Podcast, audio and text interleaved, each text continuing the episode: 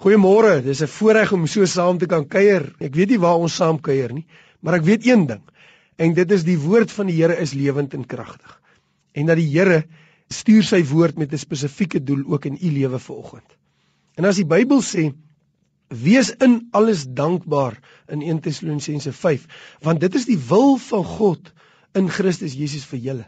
Dan is dit absoluut die wil van God vir jou lewe vandag as die Here sê wees in alles dankbaar. Nou kan jy vir my sê ja, maar wag, jy ken nie my situasie nie. Dis reg, ek ken nie u situasie nie. Ek weet nie waarin u is of watter krisis jy jou in bevind of in watter dood u in die oë staar en hoe onmoontlik die situasie lyk nie. Maar wanneer die woord sê in alles moet u dankbaar wees, dan bedoel die woord dit. Dan bedoel die Here dit. En dan wil die Here 'n wenresep vir ons bekend maak, 'n geheim 'n lewensgeheim. Nou eendag het 'n man gesê dat hy tog nooit 'n dankbare mens in 'n gat gesien sit nie. Want jy kry hom nie in 'n gat nie. Uh, hy kry altyd iets om hy dankbaar te wees om uit dit uit te klim en mense het verskriklik daarop gereageer. Maar dink 'n bietjie daaroor. Dis die waarheid. Jesus het dit as 'n strategie gebruik toe hulle vir Jesus in 'n hoek probeer vastrek en probeer vasmaak en probeer uh om uit te vang, om hom kruis toe te sleep of om hom uit die weg te ruim. Toe breek hy uit in Matteus 11 en hy sê ek dank u Vader dat u hierdie dinge aan slimme geleerdes verberg het maar aan kinders bekend gemaak het. Dankbaarheid was een van Jesus se strategieë om te midde van al die druk en al die dinge rondom hom wat moeilik lyk, sy vreugde te hou. Want 'n dankbare mens is 'n gelukkige mens. En daarom sê 1 Tessalonisense net voor dit, voor hierdie sin, sê hy in vers 16: Wees altyd deurbly.